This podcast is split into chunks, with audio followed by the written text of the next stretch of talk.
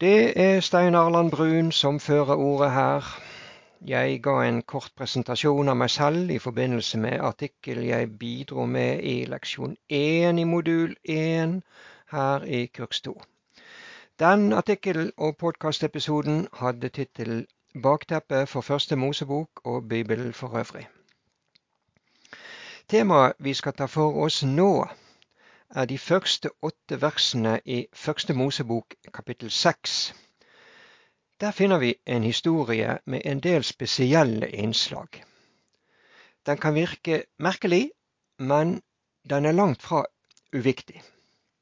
Fortellingen går slik. Nå begynte menneskene å bli mange på jorden, og de hadde fått døtre. Da så gudesønnene at menneskedøtrene var vakre, og de tok noen av dem til koner, dem de helst ville ha. Herren sa, Min ånd skal ikke for alltid bli værende i menneskene, for de er av kjøtt og blod, deres levetid skal være 120 år. Det var kjemper på jorden i de dager, og siden også. For gudesønnene gikk inn til menneskedøtrene som fødte dem barn. Dette er de mektige fra eldgammel tid, de navngjetne. Herren så at menneskenes ondskap var stor på jorden, for alt de ville og planla i sitt hjerte, var ondt dagen lang. Da angret Herren at han hadde laget mennesker på jorden, og han var full av sorg i sitt hjerte. Og Herren sa, Jeg vil utslette menneskene som jeg har skapt fra jorden, alt fra mennesker til fe, kryp og fugler under himmelen, for jeg angrer at jeg har laget dem. Men Noah fant nåde for Herrens øyne. I møte med en slik tekst reiser det seg mange spørsmål. For eksempel angående vers 1-2. Hvem er disse gudesønnene som så at menneskedøtrene var vakre? Angående vers 4. Hva er sammenhengen mellom at menneskedøtrene fødte gudesønnenes barn, og at det var kjemper på jorden? Og hva vil det si at de var mektige og navngjetne? Og angående vers 5 er det en sammenheng mellom menneskenes store ondskap og det som står i de foregående versene om gudesønnene, menneskedøtrene og kjempene. Det er ikke så lett å finne opplagte svar på disse spørsmålene ut fra denne teksten. Og det finnes knapt nok noen andre steder i Bibelen som kan hjelpe oss med å forstå det. Men fortvil ikke. Det finnes et jødisk skrift som gir uttømmende svar på disse spørsmålene, og mere til. Det skriftet heter Første Enoks bok. Først litt om hva som står i Det gamle testamentet om Enok. Første Mosebok kapittel fire omtaler de to første sønnene til Adam og Eva. Det var Kain og Abel. Så, i kapittel fem, beskrives det at Adam fikk enda en sønn, Sett. Og denne sønnens slektslinje listes opp videre utover i kapittelet. Fire slektsledd etter Adam føder Jared sønnen Henok. Om ham står det følgende i vers 24. Henok vandret med Gud. Så var han ikke mer, for Gud tok ham til seg. Bibelselskapets oversettelse bruker skrivemåten Henok, basert på det hebraiske egennavnet Hanok uttalt med en sterk H, noe lignende til r-lyden i Bach. På gresk skrives navnet Enok, dvs. Si uten H, fordi det greske alfabetet mangler bokstaven H. I denne artikkel brukes skrivemåten Enok. Siden Enoks bok er lite kjent for de fleste bibellesere, skal jeg gjengi en del innhold fra den. I denne artikkelen kommer jeg ikke til å ta med noe fra de kapitlene i Enoks bok som beskriver hvordan engler ga Enok åpenbaringer. Jeg kommer til å konsentrere mine sammendrag om de kapitlene, dvs. Si 6 til 16, som er relevant for å kunne forstå Første Mosebok 6, 1-8. Men før vi gir oss i kast med tekstene fra Enoks bok, vil jeg si litt generelt om boken. Mye av stoffet til denne artikkelen er basert på bøker skrevet av dr. Michael S. Heiser. Han har skrevet en tobinds kommentar til Enoks bøker, og han har utdypet sammenhengene mellom Enoks bok, Gammeltestamentet og Nytestamentet, i boken Reversing Herman, Enoch, The Watchers and The Forgotten Mission of Christ, som kom ut på Defender Publishing i 2017 og i boken Demons, som kom ut på Lexham Press i 2020. Basert på kildemateriale og innhold har fagmiljøet delt Enok-skriftene i tre bøker. Første Enok, andre Enok og tredje Enok. I denne artikkelen vil jeg bare gjengi tekst fra første Enoks bok. For enkelhets skyld vil den her bli omtalt som Enoks bok. Boken tilhører en bibelsk litterær sjanger som kalles apokalyptisk litteratur. Det vil si åpenbaringslitteratur, som kan handle om hva som vil utfolde seg i endetiden, eller fram mot enden. Det kildematerialet som er tilgjengelig for oss i dag, synes å ha vært skrevet i litt ulike perioder, de eldste manuskriptene til den delen av Enoks bok vi skal gjengi fra her, første Enok 1-36, er skrevet på arameisk. Forskerne på materialet synes å være enige om at dette kildematerialet daterer seg til det tredje århundre før Kristus. Blant kumranfunnene, dvs. det, det vil si det som ofte opptales som Dødehavsrullene, er Enoks bok en av de skriftene som det finnes flest fragmenter av. Enoks bok er ikke å finne i vår bibel. Den er ikke blant de såkalte kanoniske skriftene. Men den finnes i den etiopiske bibelen. Dette henger sammen med at jødedommen hadde fått et sterkt innpass i Etiopia før Kristi fødsel. Tenk bare på fortellingen om den etiopiske hoffmannen i apostelgjerningene 8.26-40. Og etter at de troende i Etiopia tok imot Kristus, beholdt de det som i noen århundrer før Kristus ble oppfattet som kanoniske jødiske skrifter, og Enoks bok var på den tiden blant disse. I eh, manuskriptet til denne postkassepisoden så har jeg en henvisning til en uh, artikkel um, som gir en oversikt over hvilke jødiske skrifter utenfor den protestantiske kanon som er med i andre kirkesamfunns gammeltestamentlige del av Bibelen. Det er godt kjent at en håndfull kristne skribenter betraktet første Enok som en del av Skriftene. Blant disse finner vi Tertulian, som levde ca. år 155 til 240. Han begrunner sitt standpunkt ut fra 2. Timoteus 3, 16. Hver bok i Skriften er innblåst av Gud og nyttig til opplæring, tilrettevisning, veiledning og oppdragelse i rettferd. Videre finner vi at Ireneus, Justinus martyr, Origenes og Klemens av Alexandria i sine verker har sitert fra Enoks bok. Michael Heiser argumenterer ikke for at Enoks bok burde vært en del av den bibelske kanon, men at den bør leses av vår tids kristne på samme måte som den åpenbart var lest og kjent for forfatterne av Det nye testamentet. I Det nye testamentet finner vi dels direkte sitater fra Enoks bok, og dels finner vi uttrykksmåter som er hentet fra eller henspiller på Enoks bok. De mest åpenbare eksemplene finner vi i Hebreerne 11,5 og Judas 1,14, fordi Enoks navn nevnes direkte i de skriftstedene.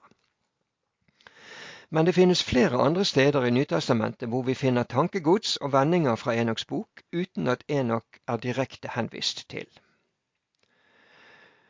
Når jeg i det følgende presenterer noen sitater fra Enoks bok, er de hentet fra en PDF-versjon utarbeidet av Chris Guleng i 2007.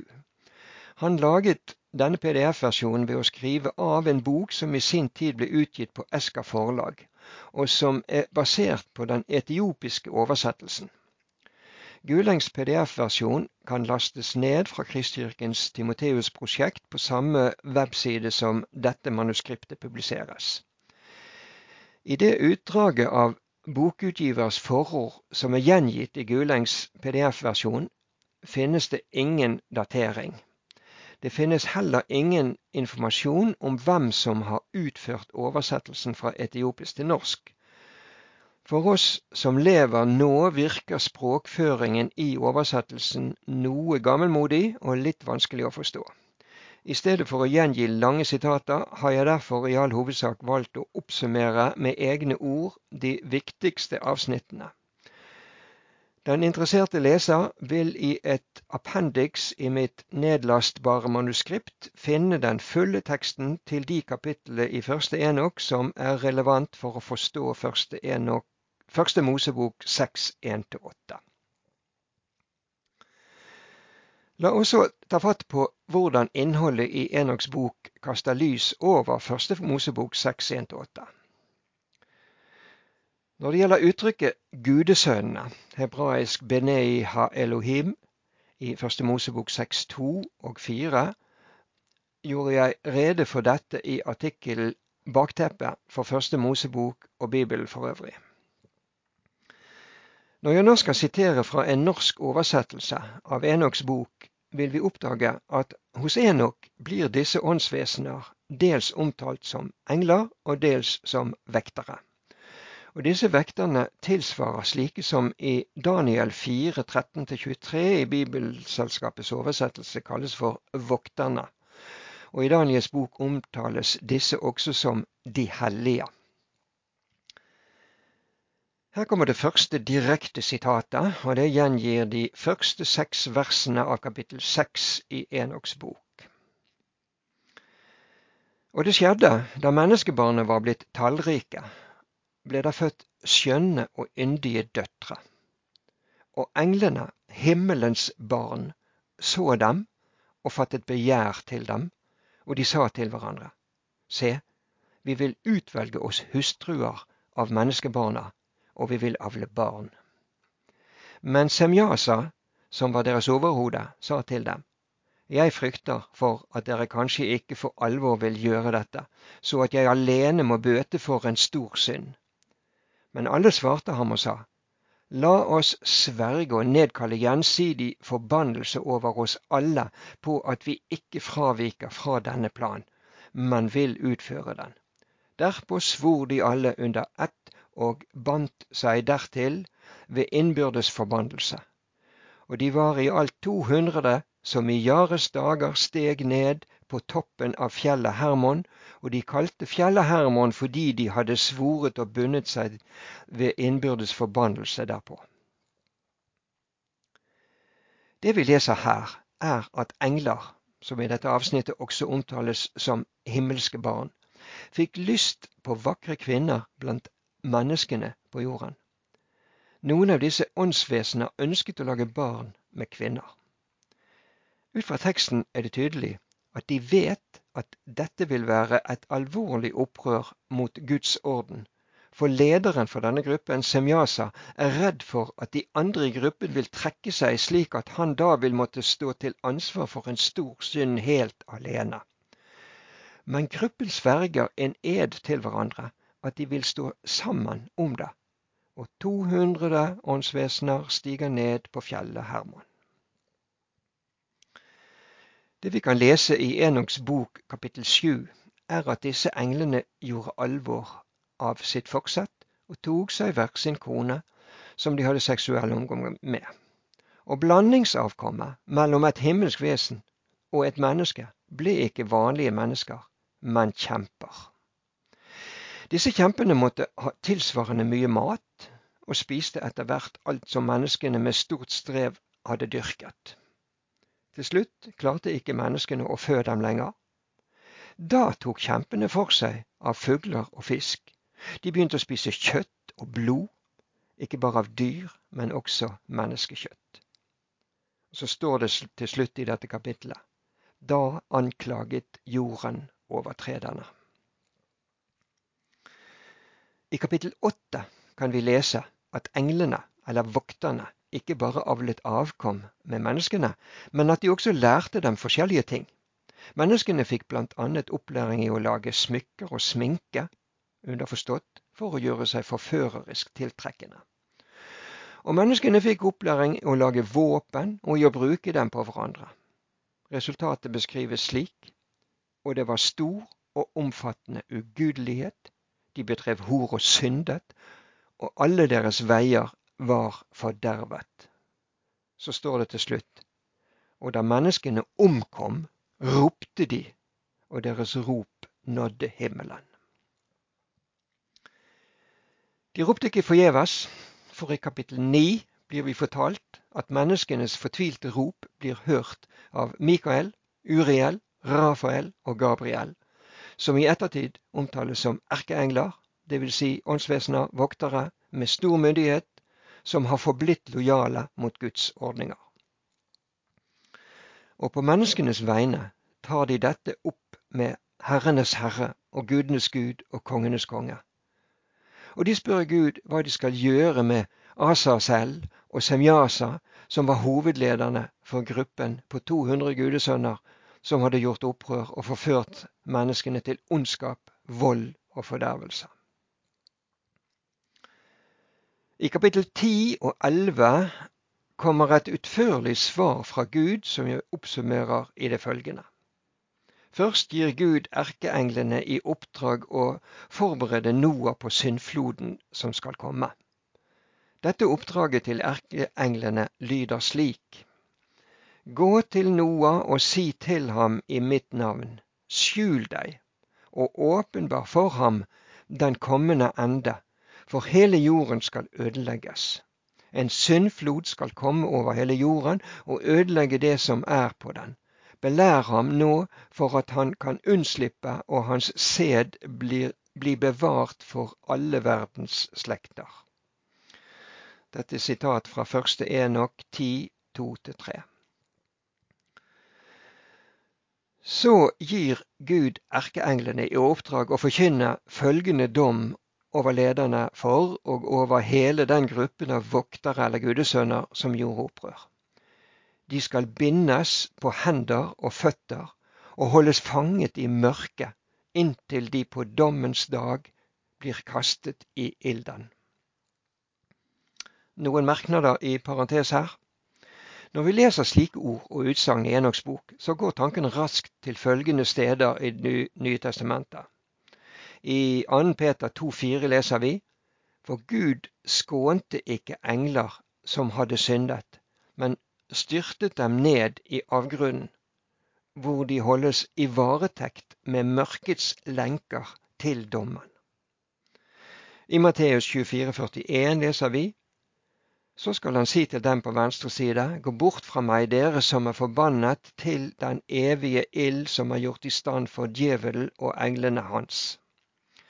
I Åpenbaringen 2010 leser vi og djevelen som hadde forført dem, ble kastet i sjøen med ild og svovel, hvor også dyret og den falske profeten er. Der skal de pines dag og natt i all evighet. Vi oppdager her at disse skriftstedene i Det nye testamentet samstemmer med budskapet i Enoks bok når det gjelder det at opprørerne skal holdes fanget i mørket og på dommens dag bli kastet i sjøen med ild. Dette budskapet om å bli kastet i den evige ild finnes ingen steder i Det gamle testamentet, ikke engang i noen av de mange stedene i Det gamle testamentet som profeterer om Herrens dag. Det er bare hos Enok og i Det nye testamentet vi finner dette budskapet om at de falne englene på dommens dag skal bli ført ned i avgrøden med ild. Fra denne parentesen vender vi tilbake til oppsummeringen av Enok kapittel 10. Når det gjelder blandingsavkommet av gudesønnene som de gudesønnene fikk med kvinner, så forkynner Gud at de skal tilintetgjøres. Enoks bok bruker uttrykket bastardene og horebarna om dem. Igjen er det på sin plass å skyte inn en liten fotnote om en assosiasjon til et uttrykk som brukes i Nytestamentet. Av første Enok kapittel 15, som vi skal ta for oss om litt, fremgår det at når kjempene, hos Enok også omtalt som bastardene, dør, skal de fortsette et ikke-kroppslig liv på og under jorden som demoner eller onde ånder. Når onde ånder eller demoner gang på gang i Det nye testamentet blir omtalt som urene ånder, er dette et parallelt uttrykk til betegnelsen bastardene som brukes i Enoks bok. Disse åndene er urene fordi de er et resultat av en blanding av det vi her litt omtrentlig kan kalle to arter eller raser. I avl av dyr F.eks. når det gjelder hester eller hunder, så snakker vi om at et dyr kan være renraset. Og dersom det ikke er av ren rase, er det rasemessig logisk sett urent, eller en bastard, som vi ofte sier om dyr. De urene åndene er med andre ord oppstått gjennom blandingsavl. Så til slutt i Enok kapittel 10 proklamerer Gud en ny tidsalder, hvor jorden renses for all vold, hvor rettferdighet og sannhet råder, hvor hele jorden skal dyrkes og tilplantes med trær og være full av velsignelse, og ingen ødeleggelse kan komme over den i evighet. Når vi nå nærmer oss eh, avslutning, så kaster vi et lite tilbakeblikk på de spørsmålene vi innledningsvis stilte oss til første Mosebok 6, 1-8. Vi opplever vel at det vi har gjengitt fra Enoks bok, langt på vei har gitt oss svar. Men når det gjelder det siste spørsmålet, har Enoks bok kapittel 15 og 16 enda flere forklaringer å gi oss. Dette spørsmålet var slik. Er det en sammenheng mellom menneskenes store ondskap og det som står i de foregående versene om gudesønnene, menneskedøtrene og kjempene. Før jeg gjengir hovedtrekket av innholdet i kapittel 15 og 16, vil jeg ganske kort fortelle at i kapittel 12 sender Gud Enok til vekterne med dom. I kapittel 13 kan vi lese at vekterne ber Enok være deres mellommann og gå til Gud og be ham om nåde for dem. Kapittel 14 handler om at Enok har et drømmesyn om hva Gud vil svare vekterne, og i sitt syn ser han Herren på sin flammende trone. Det er særlig den siste delen av kapittel 15 som kaster ytterligere lys over første Mosebok 6, 1-8.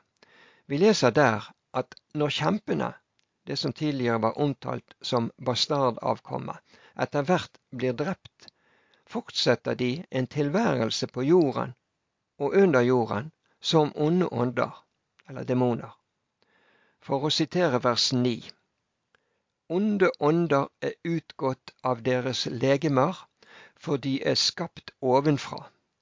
Og fra de helliges vektere var deres begynnelse og første opprinnelse. Onde ånder skal de være på jorden og kalles onde ånder. Det står videre at disse kjempenes ånder, demonene, øver fordervelse og overfall og kamp og bringer ødeleggelse på jorden og volder sorg, og at disse åndene vil reise seg mot menneskebarna og mot kvinnene, for de er utgått fra dem.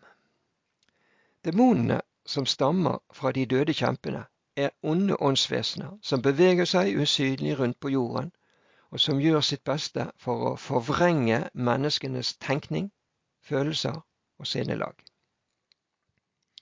Dette gir oss en god forklaring på sammenhengen mellom det som står i første Mosebok kapittel 6 vers 5 om menneskenes store ondskap, og det som står i vers 2 og 4 om gudesønnene, menneskedøtrene og kjempene.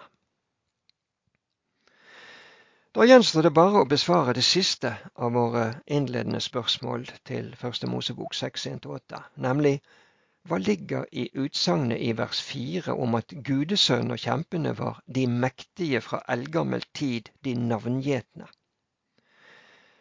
Svaret på dette finner vi ikke direkte i Enoks bok, men det ligger der indirekte ved å sammenligne hva som står i Enoks bok og for den del i Første Mosebok 6.1-8, med lignende skrifter fra nabokulturene. Situasjonen er nemlig den at historier om guder eller gudesønner som avler kjemper med menneskedøtre, ikke er unike fortellinger for den israelittiske kulturen. Lignende fortellinger finnes også i andre kulturer i oldtiden, og er særlig kjent fra mesopotamiske og greske sagaer. I de mesopotamiske skriftene finner vi en historie som er ganske parallell med Første Mosebok 6.1-8 i det såkalte Gilgamesh-kvadet. Videre er Gilgamesh nevnt i et jødisk skrift fra Qumran, og dette jødiske skriftet omtales på engelsk som Book of Giants, eller på norsk Boken om kjempene. Mye kan tyde på at da Første Mosebok ble skrevet, var disse fortellingene, som på et eller annet tidspunkt ble nedskrevet i Enoks bok, godt kjent både blant israelittene og blant andre folk og kulturer i oldtiden. De eldste babylonske skriftene om deres versjon av fortellingen daterer seg tilbake til 1800 før Kristus, med andre ord 500-600 år før Mosebøkene ble skrevet. Da Første Mosebok ble skrevet, trengte forfatteren derfor bare å skrive et helt kortfattet sammendrag med noen hovedpoeng fra fortellingen i det som nå er kjent som første Enok kapittel 6-16, for israelittene i samtiden hadde allerede hørt eller lest historien. Det er en vesentlig forskjell mellom den israelittiske fremstillingen av historien og, og de andre kulturenes fremstilling av den. I de andre kulturenes skrifter blir gudesønnene og blandingsavkommet deres, kjempene, oppfattet som beundringsverdige helter fordi de var mektige og kunnskapsrike, og fordi de lærte menneskene ting som på den tiden var ukjent for menneskeheten. I de jødiske skriftene blir disse gudesønnene og kjempene langt fra omtalt som helter. De blir fremstilt som opprørere og skurker som forvoldte ødeleggelse og ondskap mot menneskeheten fordi de hadde handlet stikk imot Guds ordninger. Det høres så flott ut når det i 1. Enok 7.1 står at vekterne ga menneskene veiledning i å skjære røtter og bruken av urter. Både sett i lys av uttrykkene tryllemidler og besvergelser tidligere i det samme verset, og i lys av annen informasjon i Enoks bok, skal vi ikke se bort fra at menneskene ikke bare fikk opplæring i bruk av vegetariske ingredienser til matlagingen, men at de også fikk opplæring i bruk av naturens rusmidler og gifter.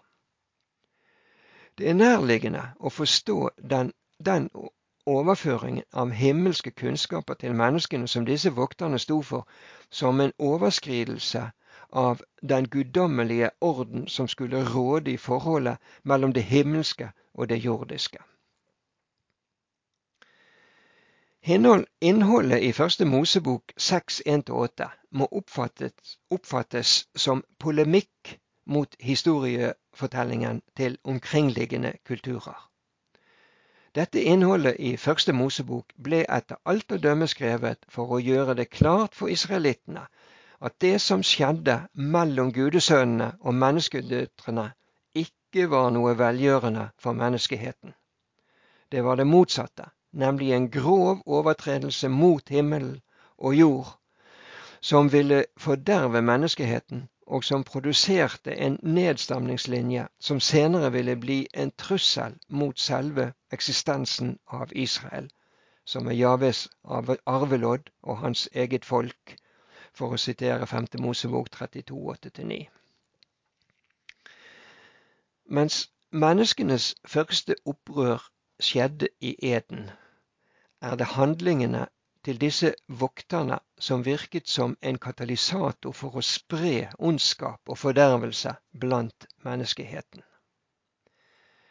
Det er da ikke til å undres over at både jødiske forfattere som før Kristi fødsel skrev om den kommende Messias, og de nytestamentlige forfatterne som skrev om Jesus fra Nasaret, hadde i tankene at Messias gjennom sitt komme og sin gjenkomst ville reversere den ondskapen gudesønnene avstedkom da de steg ned på fjellet Hermon og begynte å avle avkom med menneskedøtrene.